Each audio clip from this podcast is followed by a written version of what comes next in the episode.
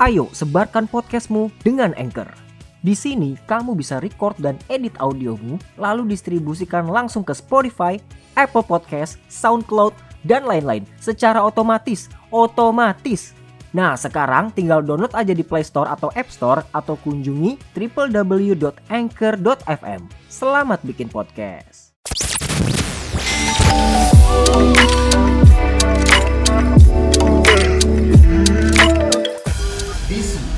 Beragam isu terupdate. Selamat datang kembali di Bisu. Jadi untuk pagi hari ini teman-teman, gue akan kasih informasi dari vaksinasi COVID mahasiswa dan dosen yang berlangsung di bulan Maret sampai Juni. Jadi Sekretaris Direktorat Jenderal Pendidikan Tinggi Paristianti Nurwadani dia ini bilang kalau vaksinasi corona untuk mahasiswa dan dosen akan berlangsung pada Maret sampai Juni mendatang nih. Nah, berdasarkan pesan singkat yang dikirim ke kita, saat ini tengah disiapkan surat keputusan bersama atau SKB antar menteri terkait vaksinasi untuk mahasiswa, dosen, tenaga pendidik, dan pegawai kementerian. Jadi kalau udah dapat vaksinasi, dia ini juga berharap rektor dari universitas menyiapkan peraturan turunan atau PTM berdasarkan konsultasi dan persetujuan gugus tugas COVID di kapasitas masing-masing. Salah satunya PTM dengan kapasitas 25 sampai 50 persen. Diketahui juga kalau vaksinasi COVID-19 di Indonesia ini sudah berlangsung sejak awal 2021. Jadi Presiden Joko Widodo ini menjadi orang pertama yang mendapat vaksinasi. Abis itu vaksinasi juga udah dilanjutin untuk tenaga kesehatan yang tergolong sebagai kelompok rentan tertular dan juga dilanjutkan lagi oleh vaksinasi lansia, awak media dan juga atlet teman-teman. Nah, Menteri Keuangan Sri Mulyani juga bilang kalau pemerintah udah ngucurin dana sekitar 3,67 triliun untuk mengimpor vaksin corona. Jadi total impor vaksin yang berhasil didatangkan dengan anggaran itu mencapai 30,5 juta dosis. Dan ditambahin juga kalau pemerintah sudah mengeluarkan 642,18 miliar untuk pembebasan bea masuk dan pajak dalam rangka impor atau PDRI vaksin COVID-19.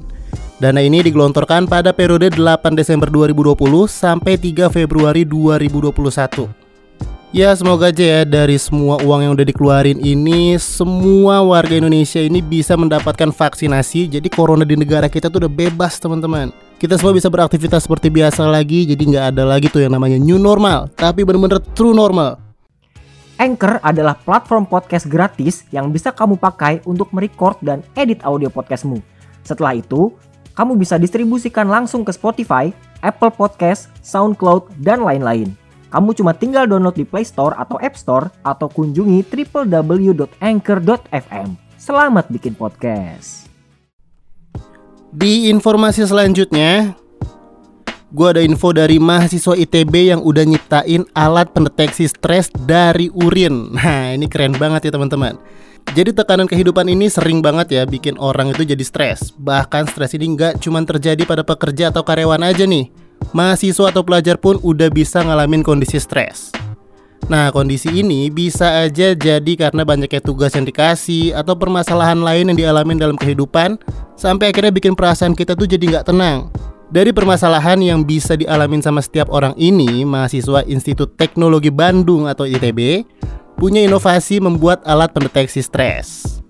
Gagasan ini makin unik karena Mahayuda Samawi, Alivia Zahratul Ilmi, dan Gardin M. Andika Saputra membuat sebuah alat deteksi dini sederhana gejala stres berdasarkan pemeriksaan urin. Berkat inovasi menciptakan alat pendeteksi depresi berbasis pemeriksaan urin ini, mereka berhasil meraih medali emas untuk kategori presentasi pada Pekan Kreativitas Mahasiswa atau PKM Karsa Cipta.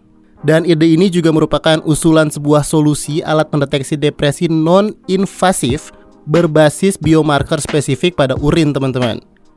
Jadi salah seorang anggota tim, Mahayuda Samawi bilang kalau alat ini itu bekerja dengan mendeteksi beberapa biomarker spesifik yang berpotensi besar dapat mengindikasikan depresi seperti sorbitol, asam urat, asam azelat, dan biomarker ini juga menurut Yuda akan dideteksi dan diukur dengan metode elektrokimia. Jadi kemudian ini bisa menunjukkan apakah seseorang mengalami depresi atau enggak.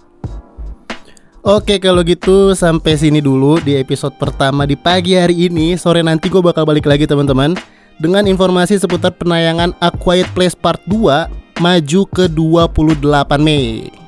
Jadi untuk kalian yang kepo sama hal ini bisa langsung dengerin Bisu di sore hari nanti. Sampai ketemu lagi di episode selanjutnya.